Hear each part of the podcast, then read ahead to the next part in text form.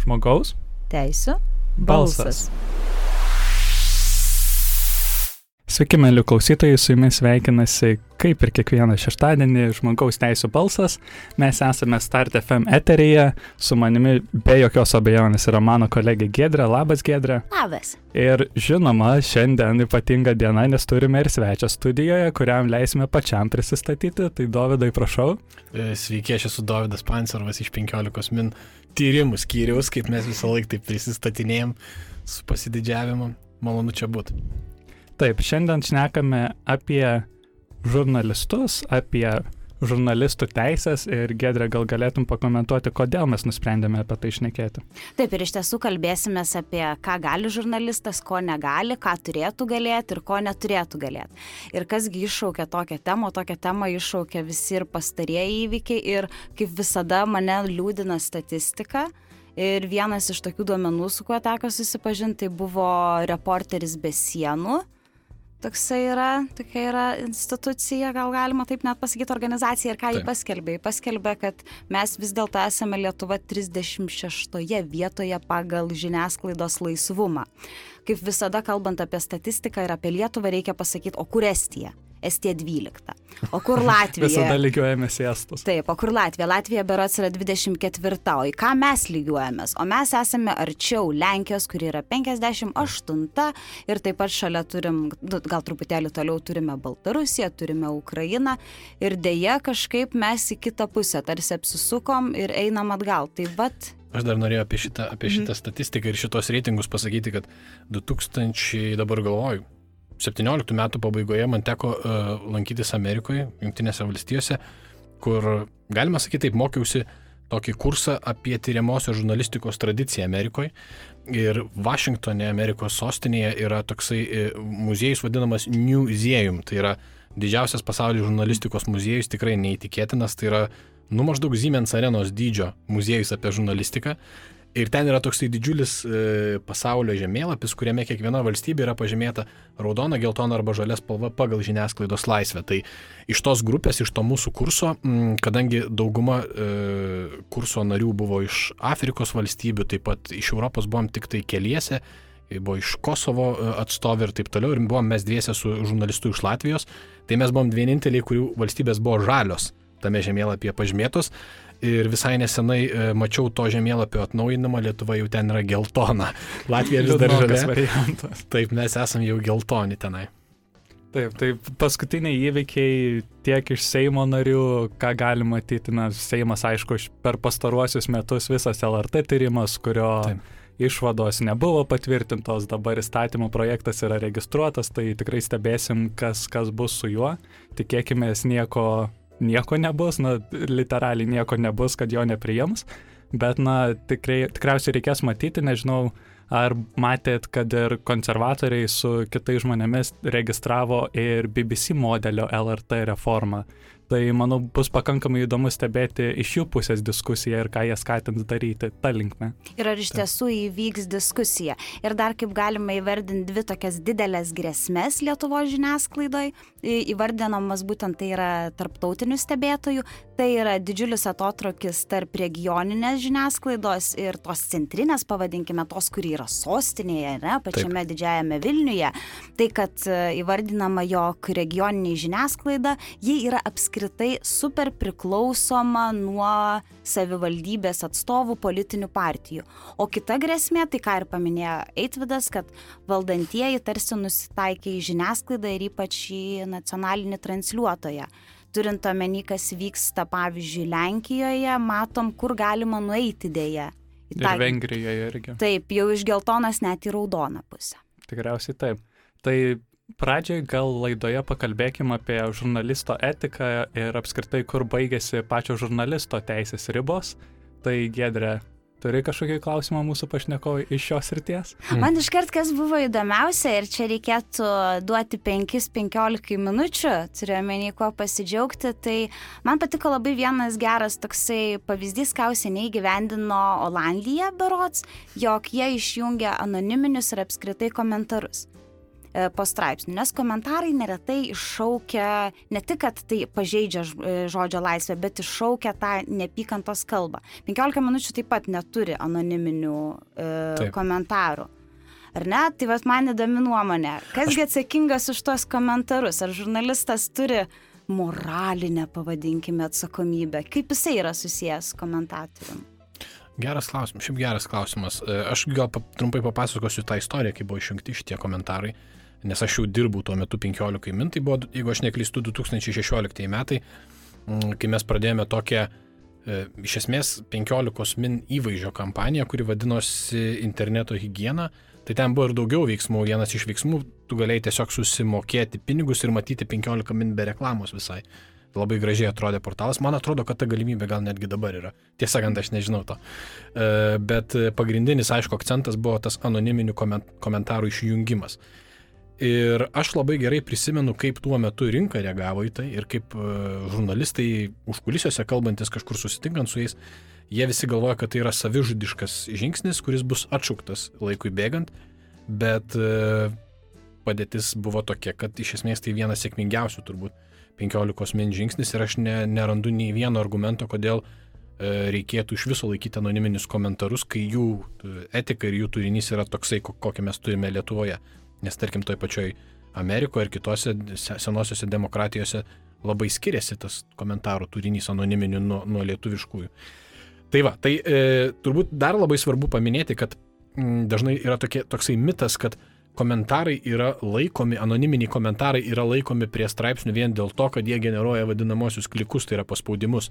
Tai yra netiesa. Dažniausiai, e, kadangi man teko savo karjeroje žurnalistų e, dirbti ir būdinčių redaktorium, tai man tekdavo matyti tuos visus skaičius, tai straipsniai, kurie sulaukėte, nežinau, šimtų tūkstančių komentarų, turiuomenį šimtų brūkšnelis mhm. tūkstančių komentarų, e, jie nebūtinai yra labai skaitomi. Tai komentaras pats savaime kliko negeneruoja. Dažniausiai komentarai yra paliekami ir jų ta tokie skaičius e, tarsi sudaro įspūdį, kad tas straipsnis yra labai aktualus, dėl to galbūt skaitytojas turėtų jį atsiversti. Tai va, tai kada mes išjungiam, savame suprantama, tų komentarų labai smarkiai sumažėjo ir koks yra mano santykis, labai sunku, aš neturiu jokio santykio su komentarais. Dar kažkada mes turėjom tokią irgi strategiją vidinę, E, kuri nebuvo kažkaip labai ten aiškiai reglamentuota, bet kad maždaug žurnalistas galėtų skatinti švarę, kokybišką diskusiją su savo skaitytojais komentaruose, rašydamas, nu, atsakinėdamas į, į skaitytojų klausimus arba, arba kažkaip replikuodamas savo tekstą, e, kurį parašė. E, ir iš esmės ta tokia tradicija gal jinai nunyko dėl to, kad dažniausiai žurnalistas šiais laikais bendrauja su skaitytojais Facebook'e. Tai turbūt 2016 metais šiek tiek kitokia buvo situacija. Nedaug, bet šiek tiek kitokia. E, tai ir turbūt ir tų vartotojų Facebook'o buvo šiek tiek mažiau e, lietu, lietuviškame Facebook'e. Tai, tai va, tai iš esmės jokio santykio su, su komentarais aš neturiu. Kartais aš juos paskaitau, kaip pavyzdžiui mes paleidžiame kokį nors tyrimą ir vis tiek yra įdomu, kokia yra reakcija. Tai labai dažnai nustembame, kad 15 min tie komentarai yra normalūs, ten, ten, nėra, ten nėra kažkokio plūdimosi, aišku, e, greičiausiai, šit, tiesą sakant, šito aš tikrai nežinau, greičiausiai kažkokie necenzūriniai yra ištrinami, gal nepraleidžiami, yra vis tiek sistema filtruoja kažkokius kiksmažodžių žodžius, jų, jų tiesiog nepraleidžia, ten pakeičia paveiksliukais.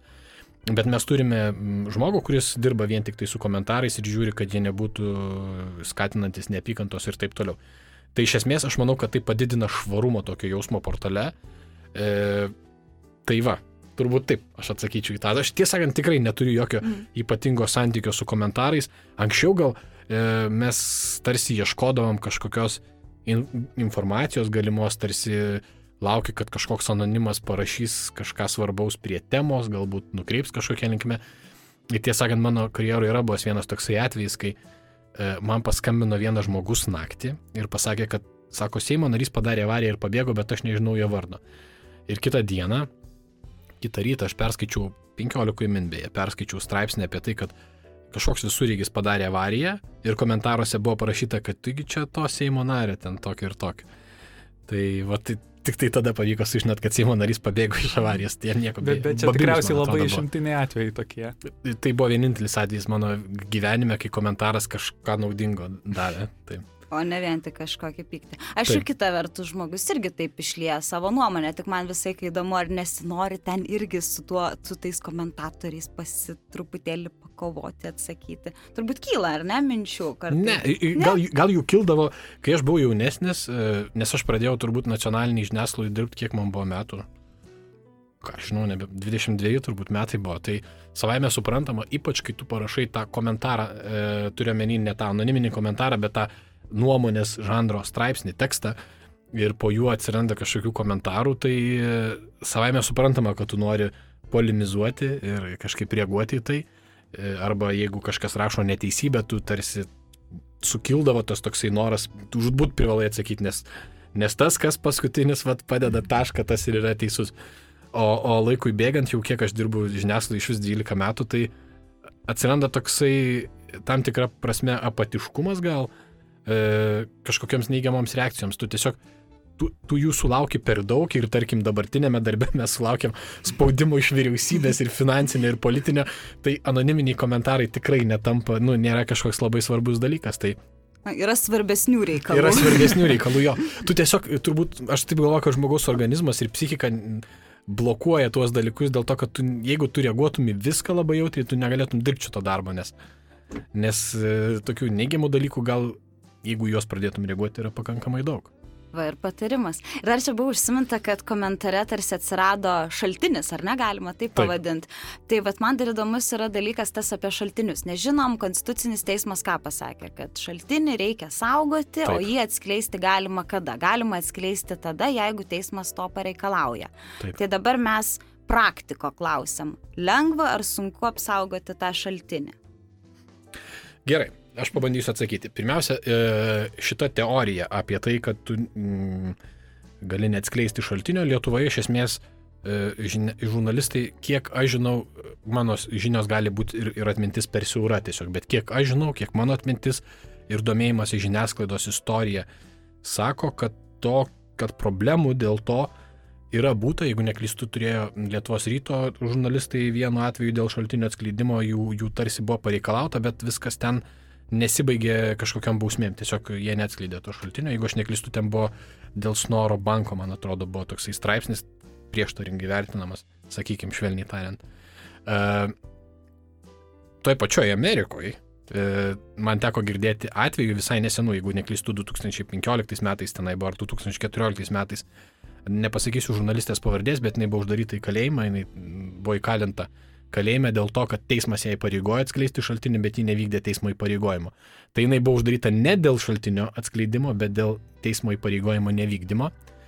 E, o realybėje, kaip e, dėl to šaltinio apsaugos, turbūt šaltinio apsaugoti, šaltinį apsaugoti yra labai sudėtinga dėl to, kad Lietuva yra maža valstybė ir žmonių, va tarkim, kaip mes rašome ar ne apie politinę korupciją, apie, apie kažkokius tokius korupcinius dalykus susijusius su politika, tai tų žmonių ratas, kurie dalyvauja tame, jisai pakankamai yra mažas. Ir tarkim, jeigu tu kalbė apie kažkokią konfidencialią informaciją, kurią žmogus ne dėl politinio angažuotumo, bet dėl to, kad jisai dėl savo kažkokių vidinių įsitikinimų nori tau papasakoti ir sako, kad tai žiūrėk, tai yra svarbu, tai apsaugoti tą šaltinį yra pakankamai sudėtinga, nes ratas žinančių žmonių yra pakankamai mažas ir bendruomenė pati, ta tokia politinė bendruomenė, žiniasklaidos bendruomenė, viešųjų ryšio agentūrų bendruomenės, tie, kas dalyvauja viešoje erdvėje, tai yra pakankamai mažos bendruomenės.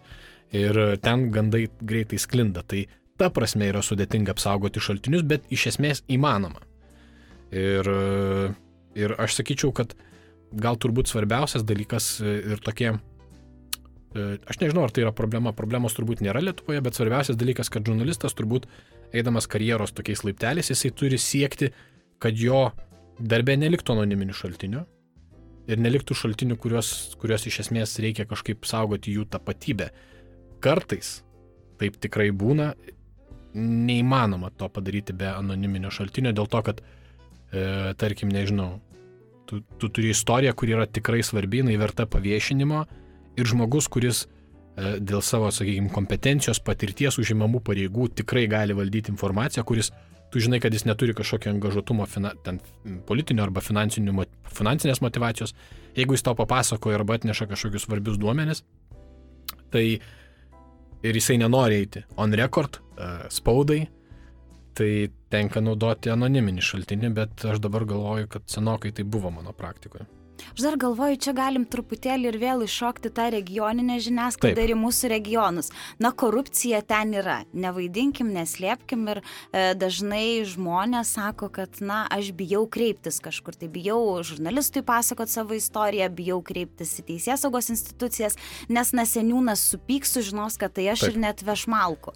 Tai va ir šita turbūt, va štai ir išriškėja viena iš tų problemų, kad galbūt e, prisibijo žmonės ir atvirai pasakoti. Ir vėl tas argumentas Lietuva maža, o tam tikrose regionuose jinai, oi kokia mažytė. Taip ir, ir visai nesenai dabar galvoju, prieš gerą mėnesį turbūt buvo Lietuvo žurnalistų sąjungos suvažiavimas, kuriame aš, aš esu žurnalistų sąjungos narys.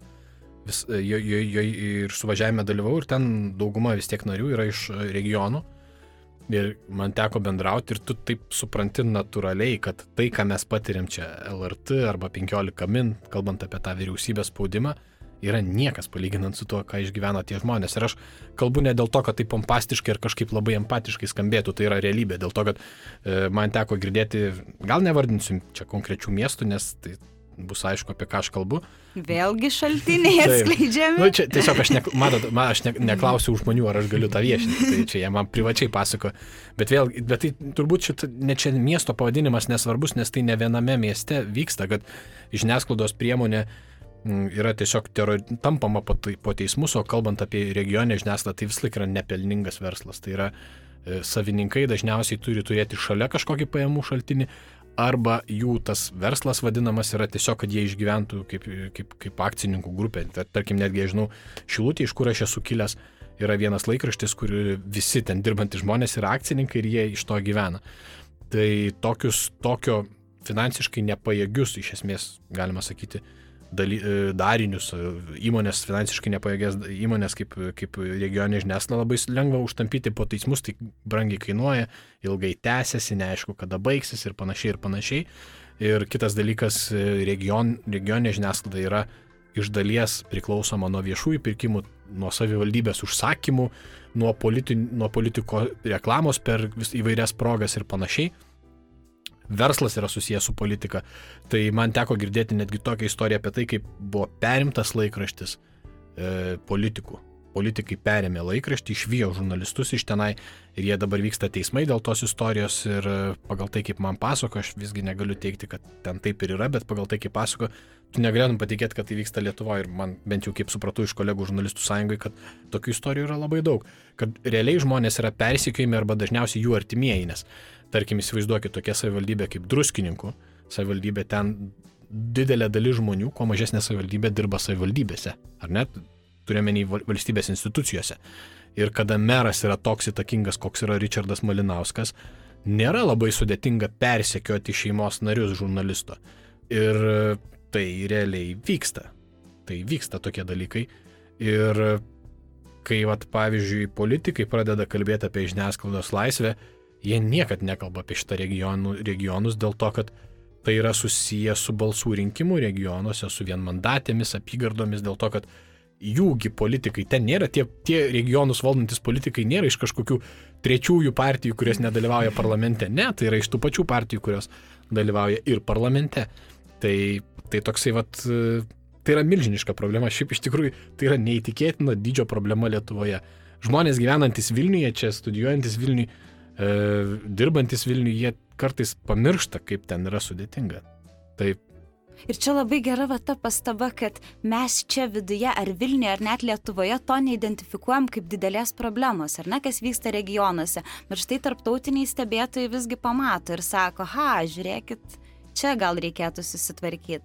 Aš galiu patvirtinti, kad žmogaus teisų srityje apskritai yra lygiai ta pati problema, tai kad tiek pačios nevyriausybinės organizacijos, kurios dirba nacionaliniu lygiu, jie dažniausiai, na, žiūri, ką parlamentas veikia, žiūri, ką vyriausybė Taip. veikia, na, ir dažnai užmiršta tos pačius regionus, kur yra pakankamai panašios problemos. Bet apie tai mes pakalbėsim po muzikinės pertraukėlės. Žmogaus Teisų. balsas. Grįžtame po pertraukėlės ir toliau kalbame apie ką, Gedrė? Apie žurnalistų laisvę arba nelaisvę. Apie nelaisvę, o apie ką konkrečiau? Dabar turbūt būtų įdomu kalbėti apie viešąjį interesą žinoti ir žurnalisto atsakomybę. Privatus gyvenimas versus vieši asmenys. Dovydai, ką manai, kur baigėsi ta riba? Turi kažkokį apibrėžimą savo? Mm. Kadangi mano darbas yra šiek tiek kitoks, aš dažniausiai nesusiduriu su šita problema savo kasdienėme darbe dėl, dėl to, kad mes dažniausiai mūsų tyrimai yra susijęs su viešaisiais asmenim. Tai aš tik tai norėjau sureaguoti į tą e, gedrės repliką apie visuomenės teisę žinoti. Visai nesenai premjeras sakė, kad visuomenės teisė žinoti yra neabsoliuti. Tai aš norėčiau pasakyti žmonėms, kurie, kurie klausosi ir galbūt jiems atrodo, kad tai yra tiesa, tai nėra tiesa. Visuomenės teisė žinoti yra absoliuti, bet institucijos turi tam tikras atsakomybės skleidžiant informaciją, tai ir, ją, ir, ir saugant, bet žmogus gali žinoti viską, ką jisai girdi. Aš galiu žinot viską, ką aš išgirstu. Ir man atrodo, kad Pentagon Papers skandalas, kuris, nu, ne skandalas, toks žurnalistinis tyrimas, kuris 72 metais vyko Junktinėse valstijose, kurias aš vis nuolat kartoju. Gal aš kartoju jas dėl to, kad man atrodo, kad JAV žiniasklaidos tradicija yra tai, ko mums reikėtų siekti. Tai, tai Pentagon Papers skandalas, kuris klostėsi nuo 72 metų iki 2011 metų, tai 40 metų. E, per tą laiką teismuose buvo aiškinamasi, ar žurnalistas gavęs CIA, e, Centrinės žvalgybos agentūros, agentų sąrašą, jų žvalgybinį informaciją, ar gali ją paviešinti ar negali. Nes tai yra valstybės paslaptis susijęs su nacionaliniu saugumu ir taip toliau. Ir teismai galiausiai 2011 metais po 40 metų pasakė, kad gali. Žurnalistas gali tai daryti. Saugumą turi užtikrinti agentūros ir slaptosios tarnybos ir taip toliau, jie už, turi užtikrinti informacijos saugumą, bet jeigu informacija patenka žurnalistui ir jeigu yra visuomenės interesas žinoti, nu, ne tik pikantiškas kažkokie dalykai, tai, tai, tai, tai turi būti tai gali būti paviešinta. Tai va, o kalbant apie asmeninį gyvenimą ir, ir privatų gyvenimą, man atrodo, Lietuvoje vis dar vyksta diskusija šito klausimu dėl to, kad e, mūsų va, 15 min tyrimų skyriuje mes prieš laidą kalbėjom, kad mes nuolat susidurėm su kažkokiais informacijos ribojimais ir bandome keisti tai, keisti tradiciją, eidami iki galo, stengdamiesi gauti informaciją. Ir viena iš tų tokių Norėjau sakyti kovų, bet tai toks ne, ne, ne tas žodis, vienas, viena, vienas iš tų žygių. Mažas mūšis. Toksai, net ne mūšis, toksai tiesiog bandymas įrodyti, kad visuomenės interesas yra svarbus, yra, buvo, buvo būtent apie asmens duomenis ir viešųjų asmenų asmens duomenis. Nes Lietuvoje iš esmės nėra labai didelio skirtumo tarp politiko ir šiaip, nežinau, žmogaus iš gatvės, pagal kalbant asmens duomenis, kas yra visiškai, nu, man atrodo, yra, tai yra nelogiška. Dėl to, kad jeigu žmogus pasirinko tapti išrinktų politikų arba užimti atsakingas pareigas valstybės tarnyboje, jis kartu pasirašo, kad informacija apie jį, jinai tampa daugiau mažiau vieša. Ne apie jo šeimą, ne apie jo, e, nežinau, kažkokius asmeninius dalykus, lygas, pavyzdžiui, lyga yra. Tikrai aš sutinku su tuo, kad, kad e, netgi prezidentas turbūt turi teisę pasirinkti nesakyti visuomenėje apie savo lygą, nors morališkai tai tarsi būtų įpareigotas tai padaryti. Bet e, kalbant apie jo finansinius dalykus, sandorius, jo pažintis, su kuo susitinka, net ir privataus e, galbūt e, savo privačių laikų, bet jeigu tas žmogus, su kuriuo jis susitinka, gali, gali kelti jam interesų konfliktą, visuomenė turi teisę tai žinoti. Ir, ir pavyzdžiui, mes turėjom tokią irgi gilę diskusiją apie tai, ar vadinama, vadinamosios viešų ir privačių interesų deklaracijos, aš suprantu, kaip tai nuobodžiai skamba, bet tai yra labai svarbus dalykas, nes tose deklaracijose, paprastai kalbant, politikas perka už 3000 televizorių, jisai turi tai nurodyti. Visi sandoriai nuo 3000 jis turi nurodyti tiksliai, kada tai darė, už kokią sumą ir panašiai, akcijos, ten dalyvavimas juridiniuose asmenyse. Ir ta informacija yra nepaprastai svarbi dėl to, kad jeigu šiandieną politikas, nežinau, gavo paskolą iš kažkokio fizinio asmens arba įmonės, praėjus dešimt, dešimčiai metų jisai galbūt gaus paramą kažkokį iš, to, mm, iš, to, iš, to, iš tos pačios įmonės, tai yra svarbus dalykas, tai yra svarbi gyja rodanti tam tikrus interesus jo, kas nebūtinai yra blogai. Tai pas mus buvo bandoma tarsi tuos tokius e, deklaracijas apriboti, kad tai tik tai trijų metų turi būti deklaracijos viešos arba tik tai aktualios, kas yra visiška nesąmonė. Ir man atrodo, kad Lietuvoje susiklosto tokia didelė problema. Ilgą laiką asmens duomenų tvarkymo politika Lietuvoje formavo vien tik tai asmens duomenų apsaugos inspekcija, kas yra savame suprantama, jie, jie, jie e, žiūri iš savo perspektyvos ir oponento arba, mm, sakykime, kažkokios diskusijos toj vietoj nevyko, nei žurnalistų bendruomenė, kiek man yra žinoma, aš negaliu teikti, bet kažkaip labai aktyviai tame nedalyvavo nei, nežinau, nei kitos susijusios institucijos ir tarsi buvo užleista, kad Lietuvoje viskas yra asmens duomenys. Pavyzdžiui, ar galėtų kas nors atsakyti, kodėl asmens kodas yra toks šventas asmens duomuo?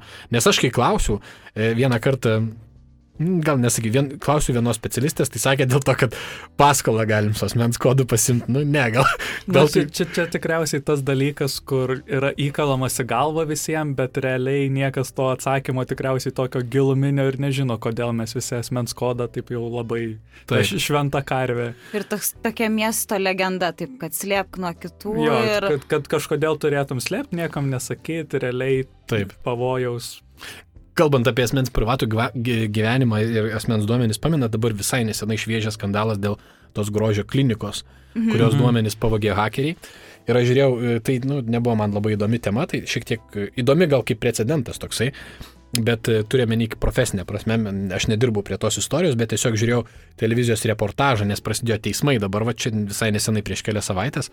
Ir ten viena moteris e, kalbėjo apie tai, kad, sako, man, kad tas nuotraukas paviešino nieko, bet sako, bet iš biuko kokių paskolų nebūt priimta. Moterė, jie tiesiog paviešino tavo kūno nuotraukas.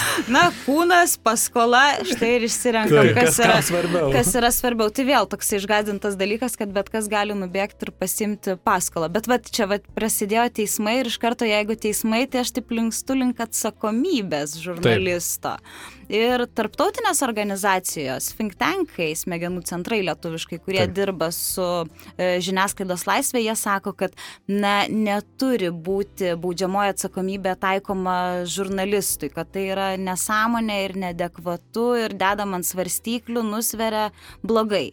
O kokia nuomonė, Dovydai, ką reikėtų daryti? Kaip su ta baudžiamąją atsakomybė? Kaip, kaipgi apribota žurnalistą? Ar taip jau jis yra pakankamai apribotas ir... Man atrodo, kad vėlgi, aš tai visiškai sutinku dėl baudžiamosios atsakomybės, dėl to, kad tiesiog kalbėjimas pats savaime negali būti, nežinau, man atrodo, tai tai nėra, tai nėra tai, kas yra, tai ne, netitinka, man atrodo, baudžiamojo kodekso dvasios, aš taip sakyčiau. Bet, e, bet kalbant apie žurnalisto atsakomybę, tai e, nepaisant to, kad aš esu žurnalistas, aš manau, e, kad mums visiems, visai bendruomeniai yra labai svarbu, kad ta atsakomybė atsirastų ir atsakomybė taptų tokiu, sakyčiau, visiškai savaime suprantamu svarbiu dalyku. Ir pavyzdžiui, kaip mes darome savo tyrimų skyriuje. Dabar tai aišku nuskambės kaip čia kažkoks pasigirimas, bet... Bet kodėlgi ne? Bet kodėlgi ne ir man atrodo, kad aš labai norėčiau, ypač kad jaunieji mūsų kolegos, jie neperimtų kai kurių dalykų, kuriuos, pavyzdžiui, mes matėme tie tik į žiniasklaidą ir, ir, ir matytų, kad yra ir kitokių pavyzdžių. Tai, pavyzdžiui, mes e, visą laiką stengiamės ne tik laikytis prievolės e, ten išklausyti ir antros pusės, bet stengiamės, kad argumentai, net ir patys smulkiausi, kurie, tarkim, netinka tai istorijai mūsų, kurie tarsi rodo, kad, kad galbūt e, yra ir, kitok, ir kitokia versija arba kitokia nuomonė apie tai, kad tie argumentai ne tik būtų kažkaip atspindėti, kad jie būtų atspindėti kuo aukščiau ir kad skaitytojas nuo, nuo vadinamojo lydo, nuo pradžios suprastų, kad tai nėra absoliuti tiesa, ką mes rašom. Mes rašom, štai mes įsiaiškinom šituos dalykus, mes radom tokius faktus, jie tai aiškina taip, ir tai iš jų aiškinimo yra tiesa. Ir, ir tarkim, nekarta dėl tos priežasties mūsų istorijos atrodė, aš pas, pacituosiu vieną komentatorių, kuris pas mus rašė, ir taip nusaikiai rašo, tokie dalykai vyksta, čia taip ramiai parašyta, tai tu iš karto, kada tu taip atspindi savo, uh, savo sakykime, antrąją pusę, savo istorijos antrąją pusę, iš tikrųjų susidaro toksai nusaikumo įspūdis. Mūsų žmogaus ausis ir akis yra pripratusi prie tokių reiksmingų dalykų, ar ne, kad čia vagia, ten kažkokie tokių, tokių... Visi vagia. Jo, užlankstytų kampų, tokių, kad e, dar iš laikraštinės turbūt kultūros yra atėję, kad antraštė lydas turi būti tokie nu, kalantis jie, ar ne? Ir kada tu tai padarai realistiškai, kada tu pasistengi, sėdi ir galvoji, okei, okay, aš galiu ir, ir formaliai visą tai vykdyti ir manęs niekas nenubaus, bet aš jaučiu, kad aš turėčiau padaryti taip. Realybė yra tokia. Yra toksai dalykas, ar ne, realybės jausmas. Tu atsisėdi ir galvoji, okei, okay, aš taip vad parašiau, skamba labai taip čiuk, čiuk, čiuk, čiuk, čiuk, bet realybė, jinai šiek tiek kitokia yra. Ir tada tu sėdi ir papildai visą tai. Tai, tai man atrodo, tai yra žurnalisto atsakomybė, tu niekaip to nereglamentuosi. Tai yra tavo suvokimas, galbūt labai, labai daug ką nulėmė tavo, tavo suvokimas, kad vienintelis vertingas dalykas, ką turi žurnalistas, yra reputacija. Daugiau nieko tu neturi, šitam darbė neuždirbsi didelių pinigų. O, prašau, e, šitame, e, šitame darbe neuždirbsi didelių pinigų, šitame darbe nepadarysi kažkokios vaiginančios karjeros turbūt, šitame darbe tu gali turėti tiesiog skaitytojo ir savo auditorijos pasitikėjimą. Ir aš visą laiką naudoju tą pačią metaforą, bet man atrodo, kad jinai tiksliai atspindi tai, kaip aš jaučiuosi ir kaip mūsų komanda jaučiasi prieš kiekvieną tyrimą, kad tu ant stalo padedi tyrimą ir savo reputaciją ir skaitytojas pasima arba tai, arba tai. Arba jis pasiema tavo reputaciją ir tu jos nebeturėsi, arba jisai pasiema tyrimą ir sako, okei, okay, šitas geras. Tai, tai man atrodo, kad savo reputacijos saugojimas ir jos vertės suvokimas yra labai svarbus dalykas. Tu turi suvokti, žurnalistas turi suvokti, kad žurnalisto reputacija, jo darbo kokybė, tai iš esmės prisideda prie mūsų demokratijos, prie mūsų valstybės, tu tai prisidedi prie bendro reikalo. Ir, ir va taip aš įsivaizduoju, kad, nežinau, aš neįsivaizduoju, kaip galima tą reglamentuoti visą tai. Tai tiesiog turi būti ugdoma įstaigose, kurios auklė, kurios moko žurnalisto amato. Man atrodo, kad tai... Turėtų tapti turbūt natūralu, kaip pavyzdžiui, valgom su šakute ir peiliu, ar ne? ne? Nebūtina to reglamentuoti, bet kažkaip išeina, ar ne, tokius dalykus susitvarkyti. Toks įdomus tas žodis reputacija, kad va, vienintelis tas dalykas reputacija. Jeigu kažkas pasikesina į tą reputaciją ir nebūtinai skaitytojas, kuris pagalvos, kad nu, kažkaip per straipsnis man neįdomu Taip, ir čia blogai. Ir o jeigu tai koks nors viešesnis žmogus. O jeigu tas žmogus, sakykime, pagalvokime, kas jis galėtų būti, koks nors politikas. Premjeras, tarkim. Pavyzdžiui, pavyzdžiui, hipotetiniai valstybėje hipotetinis pavyzdys. Tai kaip tada Lietuvoje? Ar žurnalistas jaučiasi apgintas, saugomas, kad tą reputaciją vis dėlto ateis kažkas išsaugos? Nors bent jau padės ją kažkiek turėti. Per, per pastaruosius metus mes sulaukėm tokių ne vieno tokio bandymo. Premjeras iš Seimo tribūnos pasakė, kad 15 mm, min dirba konservatoriams. Kas yra iš esmės, viena vertus tu gali sakyti, kad tai jokinga rodo kažkokį silpnumą ar ne to žmogaus, kad jisai nebeturi argumentų ir tokį šauna, bet kas tai yra? Tai yra pasikesinimas į tavo reputaciją dėl to, kad premjeras kažkam visgi yra autoritetas, ar ne? Jisai turi savo auditoriją. Ir jisai savo auditorijai sako, šitie, kurie rašo ant manęs, jie yra konservatorių, nupirkti. Ir aš tai Tai jis iš tikrųjų tai pasakė. Jis pasakė, kad 15 e, min yra konservatorių laikraštis, beje, jis sakė. Ir buvo kažkada toks. Buvo ir tokie laikai. Taip. Tai, tai, tai vienas iš pavyzdžių buvo kalbama apie tai, kad e, premjeras tas pats iš Seimo tribūnos po vieno mūsų tyrimo apie jį ir jo interesus ir ryšius su energetikos įmonėm sakė, kad tai yra melas ir šmeištas. Vyriausybė, dabar mes turime ginčą su vyriausybė, e, vyriausybės oficialiame puslapyje buvo publikuotas toksai tekstas, be žurnalistų etikos inspektoriaus kažkokio išaiškinimo, be teismo išaiškinimo, kad aš ir mano kolega Šarūnas Šerniauskas savo Facebook'e neva paskelbė melagingas žinias. Ir aš dabar galiu suprasti, kad jums gali tai atrodyti kaip smulkmena, bet ne, aš esu Lietuvos Respublikos pilietis. Dirbu darbą, kuriame reputacija, mes kaip mes kalbėjome, yra svarbi. Ir mano vyriausybė, kuri šiaip jau turi tarnauti visiems piliečiam, kažkodėl parašo, kad aš paskleidžiu melagingą žinias, kas yra netiesa, aš galiu įrodyti, kad aš nepaskleidžiu melagingų žinių. Tai, tai tų bandymų taikytis į mūsų reputaciją yra nuolat. E, ar mūsų reputacija buvo kažkaip sunaikinta ir sugriauta? Mm, tai turėtų galbūt pasakyti kiti, manau, kad ne. Dėl to, kad vėlgi skaitytojai mato, skaitytojai mato tavo darbus. Tai vėlgi, man atrodo, kad jeigu tu dirbi sąžiningai ir realiai dirbi sąžiningai, ne, ne, neperžengi kažkokių ribų ir vat, mes irgi, kaip čia dabar tai pasakyti atsargiai, Kaip tik va šiuo metu atlikinėjame vieną tyrimą, kaip, kuriame mes perėjome į tą vadinamąją klausinėjimo stadiją. Tai reiškia, kad tu nu, daugiau nei mėnesį mes rinkom medžiagą, susirenki medžiagą ir tada jau, kada viską turi, tada klausinėjai žmonių, kaip čia viskas, kaip istorijos dalyvių, kaip čia viskas suklostėsi. Ir, Ir kada tu pradedi klausinėti, tai ta informacija tampa tam tikrą prasme vieša toje bendruomenėje, kaip mes kalbėjom, politikų bendruomenėje, žiniasklaidos bendruomenėje. Visi pradeda tai žinoti ir aišku, politikai stengiasi tai kažkaip užgesinti prieš pasirodant tekstui.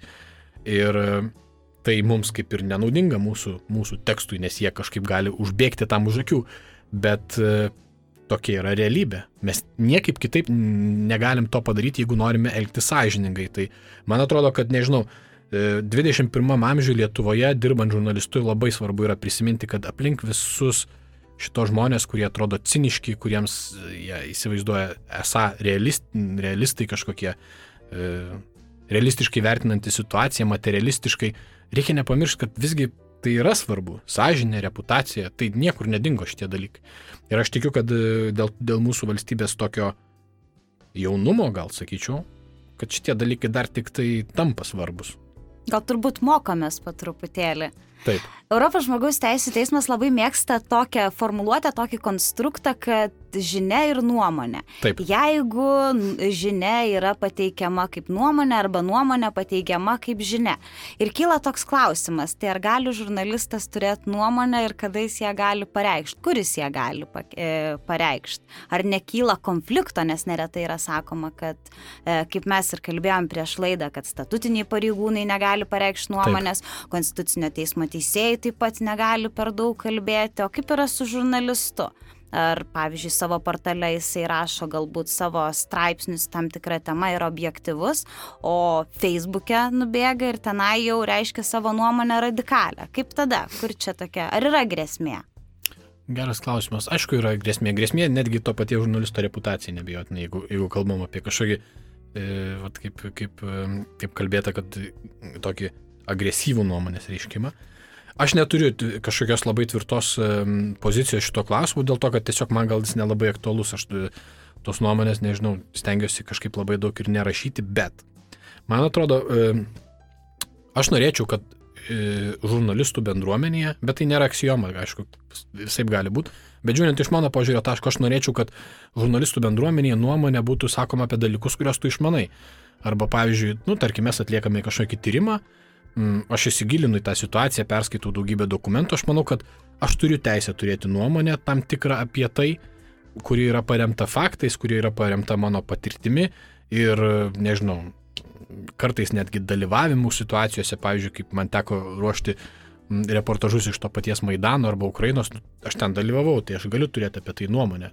Gal jinai nėra absoliuti, mm, absoliuti tikrovė, tai aš matau tik tai kažkokį epizodą iš karo ir taip toliau, bet uh, Manau, kad žurnalistas turi teisę turėti nuomonę visais klausimais. Manau, kad e, aš savo laikausi tokio principo, kad aš reiškiu nuomonę ten, kur aš suprantu, ką aš kalbu. Yra temos, kurios, į kurias aš daug metų gilinausi, suprantu kažkokią specifiką ir manau, kad kažkokią pastabą vien, vienu ar kitu kartu galiu padaryti.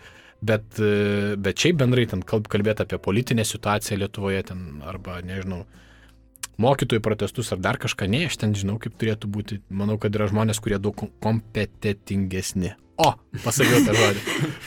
ta, ta, ta linksma gaida, kad pavyko pasakyti, gal einam į pertrauką, dar viena daina ir susitinkam po jos. Žmogaus? Teisų. Balsas.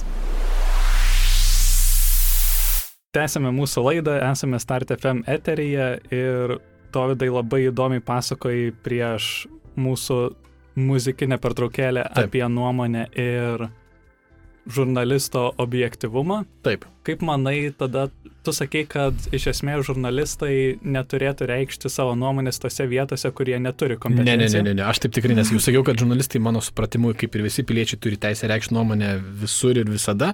Aš sakiau, kad aš savo laikausi tokios pozicijos. Okay. Patarimas, tarsi. Pa patarimas. Na, nu, tai iš esmės mano klausimas tada būtų buvęs, kad taip. kaip galvoji, nes visuomenės lyderiai dažniausiai ir yra žurnalistai pas mus, pas mus, pavyzdžiui, žmogaus teisų srityje, na, aktyvistai nelabai reiškiasi viešoje erdvėje. Taip. Tai dažniausiai tais aktyvistais ir tampa žurnalistai, bet tu tikriausiai nežinau, ar turėsi dar papildomų komentarų šio klausimu, ar jie turėtų tą daryti. Puh, geras klausimas. Aš manau, kad e, gal aš šiek tiek išplėčiau klausimą. Visai nesenai va teko su kolegom diskutuoti ir aš taip pastaruoju metu apie ką galvoju, taip nemažai. Aš esu iš tų žmonių, kurie masto apie profesiją, man, man mano profesija yra įdomi labai ir, ir aš apie tai mastau, skaitau knygas, man tai yra įdomu, man įdomu apie tai diskutuoti.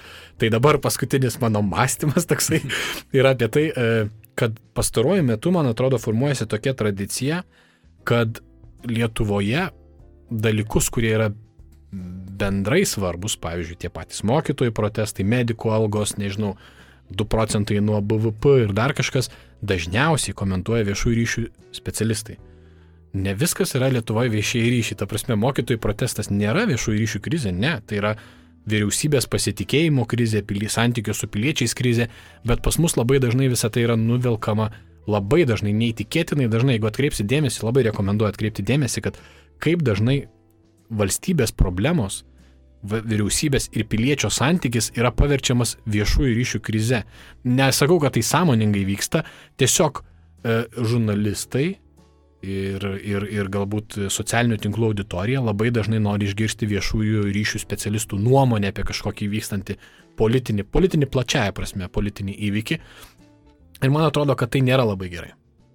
Man atrodo, kad e, tai labai supaprastina iš vis e, žmonių santykių su valstybė, kad viskas, kas vyksta valstybėje ar politikoje yra viešieji ryšiai, kas nėra tiesa iš esmės. Ar ne? Tai nėra tiesa. Mm. Ne, tikrai. Mm, tai, tai, tai, tai, tai va, aš manau, kad tai yra irgi labai svarbu ir, ir tos problemos viena iš dalių yra tai, kad labai dažnai klausiama žiniasklaidoje, klausiama nuomonės žmonių, kurie yra atpažįstami. Ir, vat, tarkim, mano tie tokie alaus pagerimo draugai, aš turiu visokių ir, ir literatūros pasaulyje, ir, ir tarp istorikų.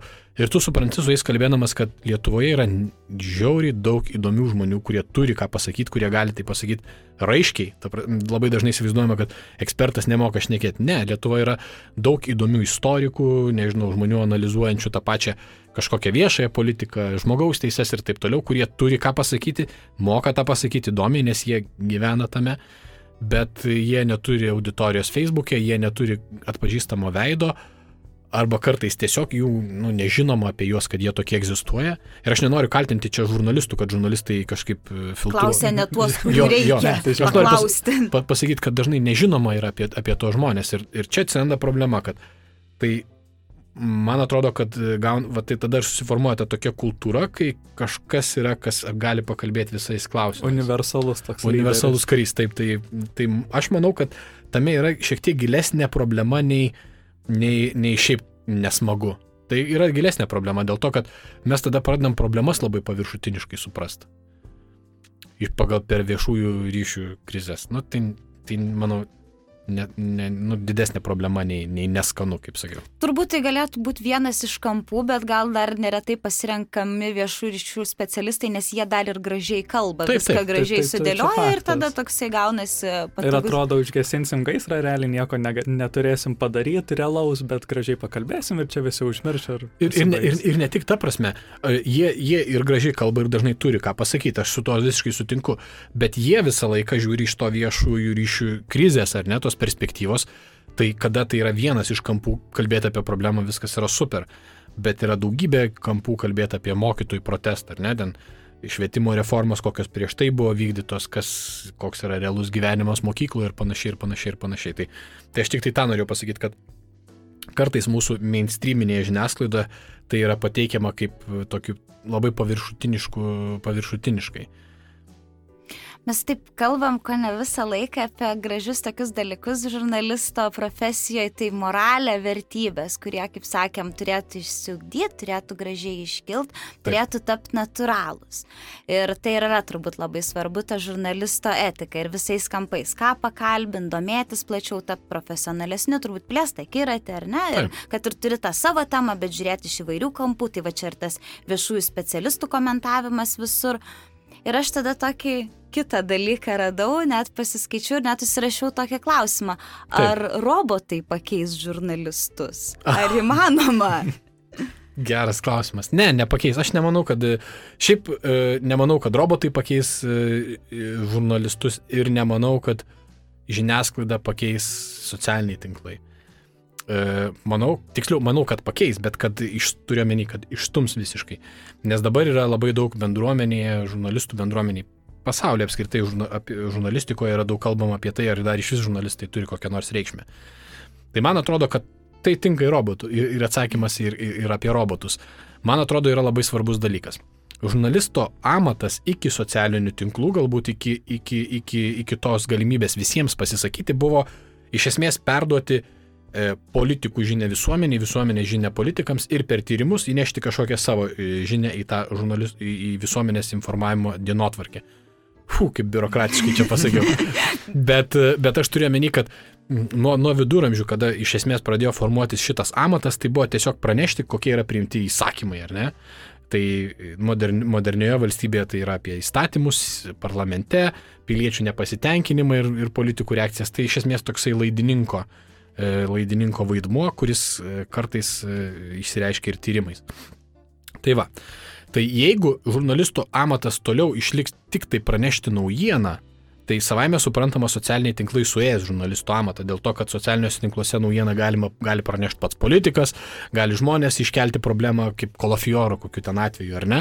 Buvo labai dažnai mes matom tokių dalykų, kad socialiniuose tinkluose problema sulaukia didelio dėmesio ir netgi paskui kažkaip susilaukia parlamentarų reakcijų arba ten vyriausybės reakcijų. Tai socialiniai tinklai iš esmės numarina šitą žurnalisto arba apmažina šito žurnalisto e, funkciją, bet aš manau, kad žurnalistas modern, moderniame pasaulyje yra žmogus, kuris gali pateikti patikimą naujieną. Tai yra patikrinta su, su kažkokiu tam tikrų giliu. Naujienų žurnalisto, aišku, darbas yra kitoksai, ten giglis galbūt yra mažesnis, bet jisai tai daro prisimdamas atsakomybę. Ko negali padaryti socialiniai tinklai ir negali padaryti tie tokie uh, visokie tinklaraštininkai, kurių dabar kaip ir nebėra, bet vis tiek atsiranda YouTube ir taip toliau. Tai jie negali prisimti atsakomybės net neturėdami blogos intencijos, bet jie neturi, tarkim, įrankių, įgūdžių tikrinti informaciją, nežino kaip tai daryti ir panašiai. Tai aš manau, kad išauga, ir tai yra, manau, kad tai yra tiesa, išauga kokybiško žurnalistikos poreikis, išauga informacijos tikrintojo poreikis dėl to, kad fake news yra ne tik e, Lietuvos ir vakarų problema, tai apskritai atsiranda daugybė naujienų, kurios, nežinau, dabar netgi visai nesnai teko skaityti tekstą apie tai, kad vaizdą galima, jau, tam, jau galima feikinti vaizdą. Ir tas yra, vaizdas, yra. jo kokybė net bus geresnė negu to tikrojo. Taip. Ir tai bus sunku atskirti. Tai va, tai, tai man atrodo, tai po truputį eina ir ta transformacija, aš manau, kad jinai bus labai gera žurnalistų bendruomenė. Aš tai įsivaizduoju, kad tai bus labai gerai, kad žurnalistai taps tie žmonės, kuriais yra pasitikima. Vien, viena auditorija pas tavim pasitikė, kit, kita auditorija pasitikė kita žiniasklaidos priemonė ir taip toliau ir taip toliau. Ir tu saugodama savo reputaciją, tu tikrini faktus, tu skelbi tikras žinias. Iš esmės, manau, kad tie socialiniai tinklai padės išgryninti žurnalisto amatą ir aš nemanau, kad, kad, kad robotai galės uh, tai padaryti, dėl, mm, kažkokiais nesudėtingais atvejais savaime suprantama, kad galės padaryti greičiausiai, jau dabar jie tai daro. Bet yra tokių atvejų, vat, kaip aš kalbėjau, kad tu padarai tyrimą ir ta tikrovė, jinai nėra labai, taip tu jos nereglamentuosi, tu neapibūdinsi jos teisės aktais ir etikos kodeksais tikrovės. Tu esi liudininkas ir tu sąžiningai pažvelgęs į tą situaciją savo, matai, kad tekstas turi būti parodytas, ta prasme, tekste trūksta kažkokių elementų, kurių tu neprivalai pagal etikos kodeksą įdėti, bet jeigu įdėsi, tai bus arčiau tikrovės. Tai man atrodo, kad robotas to nereglamentuotų ir kažkokiu nuliu, nuliu ir vienetų kodų nesudėlioto tikrovės jausmo neturės ir, ir tas tikrovės jausmas jisai taps vis svarbesnis, aš taip noriu tikėti. Tai aš tikrai sutinku, kad galbūt robotai tikrai nepakeis, bet faktas, kad jie bent jau dalį darbo atlieka, Tai kadangi mūsų laida jau eina į pabaigą, Dovydai, gal turi kažkokį palinkėjimą bendrai žiniasklaidai, vyriausybei, Seimui? Patarimą. Pa, patarimą. Receptą. Aš manau, kad aš galbūt e, norėčiau pabaigti optimistinę gaidą, kad visi šitie e, išbandymai, kuriuos e, mes patiriame, žurnalistų bendruomenė, kurią, kuriuos jaučia skaitytojai, sekantį žiniasklaidą, e, dėl politinio spaudimo, dėl noro užvaldyti visuomeninį transliuotoją, aš nebijau to žodžio, man tai yra tikrai yra noras užvaldyti visuomeninį transliuotoją, dėl noro apriboti info, kritiką ir panašiai. Aš manau, kad šitie dalykai yra ilgoj perspektyvoje tik į gerą, dėl to, kad e, man atrodo, kad tos pačios nuolat minimos Amerikos žiniasklaidos kultūra formavosi būtent per tokias problemas, kad žmonės susidurdavo su cenzūra, su reklamos užsakovų, reikalavimais kažkaip nerašyti. Tai buvo nuolat, tai visai nesenai buvo Amerikos žiniasklaidos dalimi, bet e, perlipęs vieną kartą per tokią kartelę, tu jau prie jos nebe, nebeisi, tu vis keli kartelę. Tai man atrodo, kad kada mes atlaikysime šitos visus išbandymus, bendraja prasme, kaip visuomenė, kai Lietuva atlaikys šitos išbandymus, jinai taps šiek tiek stipresnė ir aš nebejoju, kad žiniasklaidos kartelė bus gerokai kilstelėta. Tu nebegalėsi rašyti, vos nepasakiau, nesąmonių. ir, ir, ir tu turėsi kažkaip e, tapti va to žmogumi, kuris patikimai atrinka naujienas ir kuris vertina savo darbą, supranta savo darbo svarbą, savo etiką, atsakomybę ir panašiai. Tai aš manau, kad viskas bus gerai. E, ta kova arba atsilaikimas prieš spaudimą nėra beprasmiai ir jie turi tikrai didelę prasme ir, ir tai pakeis Lietuvai gerą. Aš irgi taip optimistiškai tada sakysiu, kad viskas bus gerai ir ypatingai viskas bus gerai, kai ateina su mumis pasikalbėti toks žmogus, kaip šiandien Davidas atėjo ir kuris atsinešė, ką su savim atsinešė atsakomybę. Ir didelė. Ir labai daug gražių žodžių ir idėjų Lietuvai. Taip. ir palinkėjimų mūsų valdžiai, kad, kad tikrai, kad ir ką jie bedarytų, man atrodo, mūsų demokratija jau yra tikrai pakankamai stipri, kad atsilaikytų prieš bet Taip, ką. Taip, ir jeigu dar visur nešiosimės atsakomybę, viskas tikrai bus gerai. Taip. Taip. Tai ačiū Dovydai, kad atvykai į laidą. Dėkui. Ačiū, kad pakvietėt. Ačiū, ačiū Gedrė. Ačiū Eitidai. Ir susitiksime kitą kartą. Iki. Iki. Iki.